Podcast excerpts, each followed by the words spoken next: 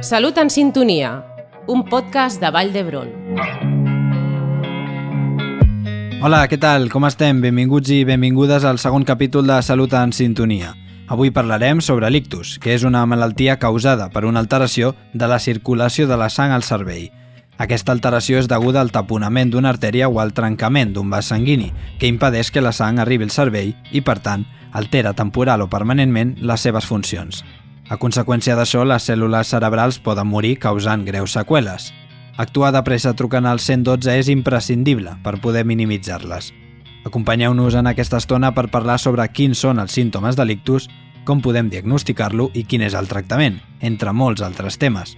Comptarem amb les veus especialitzades dels professionals de l'Hospital Vall d'Hebron, el coordinador de la unitat d'ictus, el doctor Carlos Molina, i la infermera supervisora de la unitat, la doctora Pilar Girón.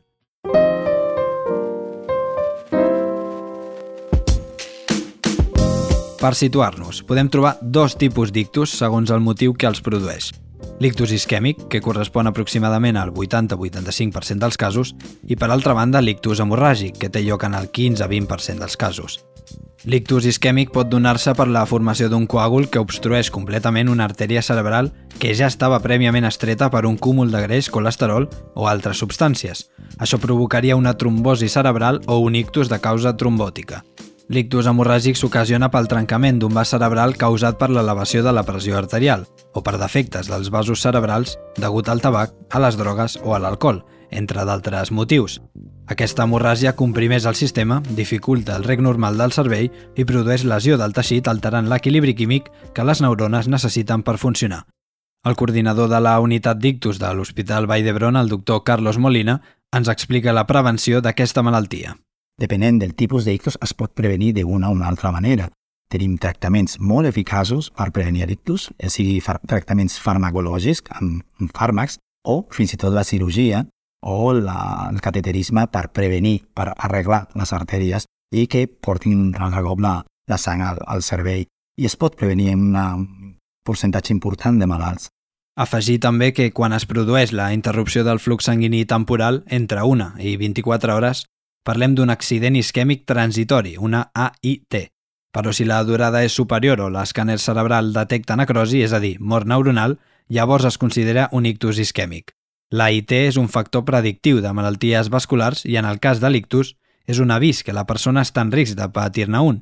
De fet, un 40% de les persones que pateixen un ictus han patit prèviament un AIT. Parlem dels símptomes. El més comú és la pèrdua de força que afecta una banda del cos o de la cara. Si afecta una extremitat s'anomena monoparèsia, però si afecta les dues extremitats d'un costat del cos, hemiparèsia. L'alteració brusca de la vista també n'és un. Parlem de la pèrdua de visió en un ull o la pèrdua parcial en tots dos, veure doble o la incapacitat per apreciar objectes a algun costat del camp visual, la dificultat per parlar, entendre o articular llenguatge la falta de sensibilitat a la cara, al braç o a la cama d'un costat del cos, sovint acompanyada de debilitat en la regió en forma de formigueig o adormiment, la disminució de la sensibilitat tàctica, tèrmica o dolorosa o l'absència completa de totes les formes de sensibilitat. Un altre símptoma és la inestabilitat, el desequilibri i la incapacitat per caminar, que és quan la persona presenta manifestacions d'irregularitat en el ritme, l'amplitud i la força dels moviments que són imprecisos i descoordinats, i per últim, però no menys important, el mal de cap intens i d'aparició sobtada, que és habitual associar-lo a l'hemorràgia cerebral, tot i que pot aparèixer també en l'ictus isquèmic. El doctor Carlos Molina ens comenta també que amb tres lletres es poden detectar alguns d'aquests símptomes. La R, de riure, li demanem al malalt que rigui, i si veiem que la boca es, es queda una mica torsada, pot ser el malalt està patint un ictus. La A, de aixeca, aixecar el braç, li demanem al malalt que aixequi el braç i si no pot aixecar el braç o la meitat del cos, és que molt probablement està patint un ictus, li demanem que parli. I si no parla de forma correcta, molt probablement el malalt està patint un ictus. Recordeu, davant l'aparició sobtada d'un o de diversos símptomes, és molt important actuar de pressa trucant al 112.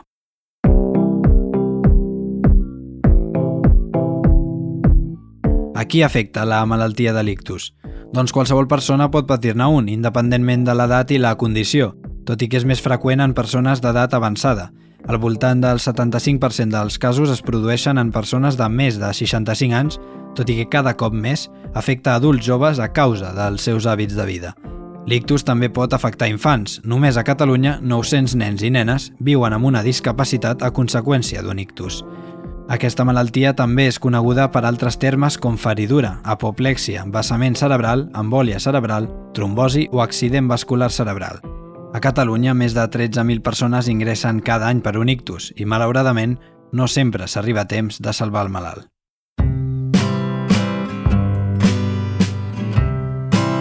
Parlem sobre la causa d'un ictus. És necessari realitzar un escàner cerebral per determinar-ne la causa.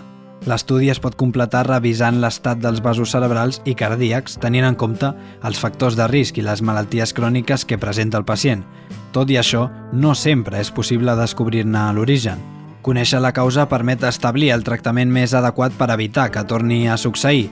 Podem trobar-ne de fins a 5 tipus. En primer lloc, la heterotrombòtica, que és quan es detecta un vas més estret de l'habitual a conseqüència de greix acumulat a les artèries. També trobem la cardioembòlica, quan es localitza una arrítmia cardíaca que alteren el ritme normal del cor pot produir coàguls o que aquests es desprenguin.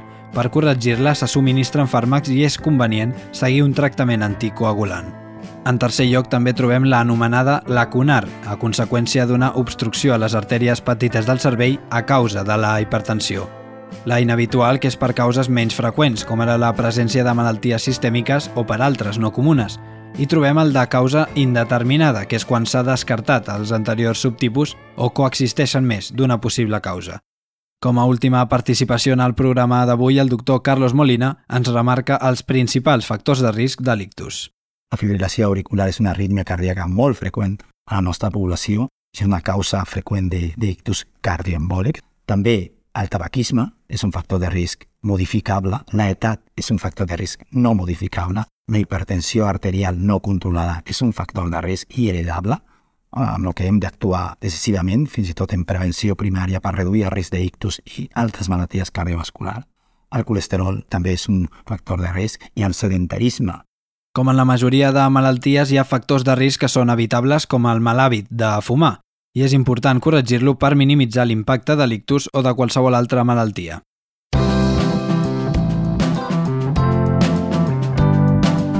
El diagnòstic. Doncs davant la sospita d'ictus s'ha de fer una prova de neuroimatge tan de pressa com sigui possible, que ens informarà del tipus d'ictus, si és isquèmic o hemorràgic, la localització i l'estat de la lesió cerebral i la valoració del teixit cerebral en risc, una dada útil per determinar el tractament. És possible que els especialistes demanin altres proves com ara una radiografia de tòrax, un doppler o dúplex transcranial, una analítica o un estudi cardiològic. Després del diagnòstic, els especialistes poden demanar repetir les proves per detectar canvis comparant les imatges obtingudes amb les prèvies o bé sol·licitar-ne d'altres. Parlem del tractament ja que s'ha d'aplicar de forma immediata, ja que la ràpida actuació davant de l'ictus pot disminuir les conseqüències posteriors – tot i això, habitualment és necessari un període de rehabilitació per eliminar o reduir les possibles seqüeles. Després de patir un ictus, el risc de tenir-ne un altre és major.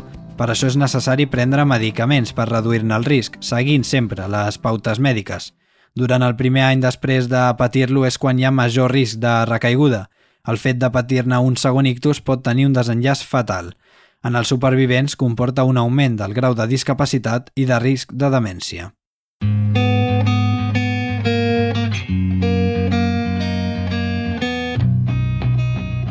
És important parlar de la recuperació, ja que l'afectació pot ser diferent en cada pacient. Els símptomes més o menys greus depenen de la zona i el volum de cervell afectat, així com de l'estat general de salut previ. En el cas d'un atac isquèmic transitori, que no acostuma a deixar seqüeles, o algun tipus d'ictus isquèmic amb una bona resposta al tractament, la recuperació és pràcticament immediata. En altres ocasions, la recuperació és més a llarg termini i es produeix en setmanes o mesos, deixant algun tipus de seqüela. La infermera supervisora de la unitat d'ictus, la doctora Pilar Girón, ens destaca la importància del familiar per a la recuperació del pacient d'ictus. El familiar ha de tenir sempre un, un recolzament a nivell institucional, a nivell hospitalari, a nivell de fundació d'ictus i, i, de tot, i, bueno, i dels professionals sanitaris. Per què? Pues perquè han de ser arte i parte, eh, podríem dir. Han de ser arte i part per què? Perquè han de ser maratonians. És una enfermetat de llarga durada que en alguns casos és molt discapacitant i és necessari que el, que el familiar estigui assabentat i sigui còmpliç d'aquesta adherència al tractament i al seguiment. També cal tenir en compte que pot produir-se un empitjorament del pacient per causes neurològiques o complicacions com febre, infeccions o altres. En els casos més greus podria comportar la mort del pacient.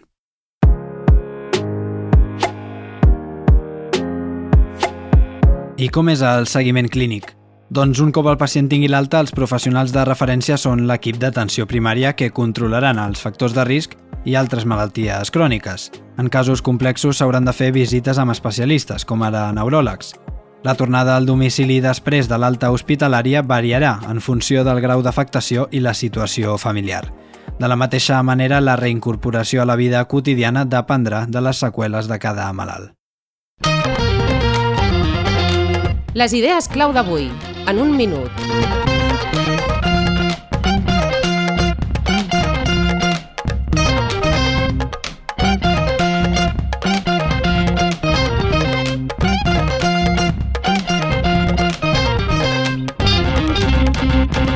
L'ictus és una malaltia causada per una alteració de la circulació de la sang al cervell degut al taponament d'una artèria o al trencament d'un vas sanguini. El més comú és l'ictus isquèmic, que correspon al 80% dels casos.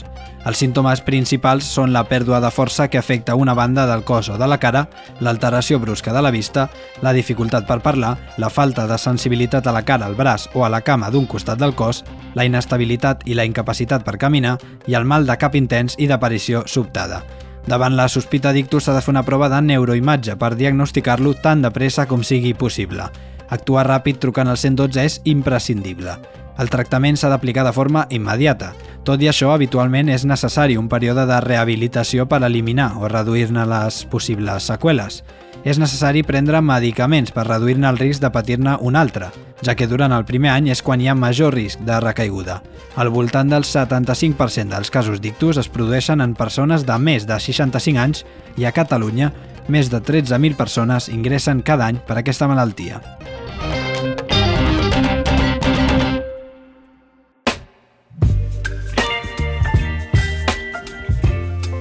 Fins aquí el segon capítol de Salut en Sintonia sobre la malaltia de l'ictus.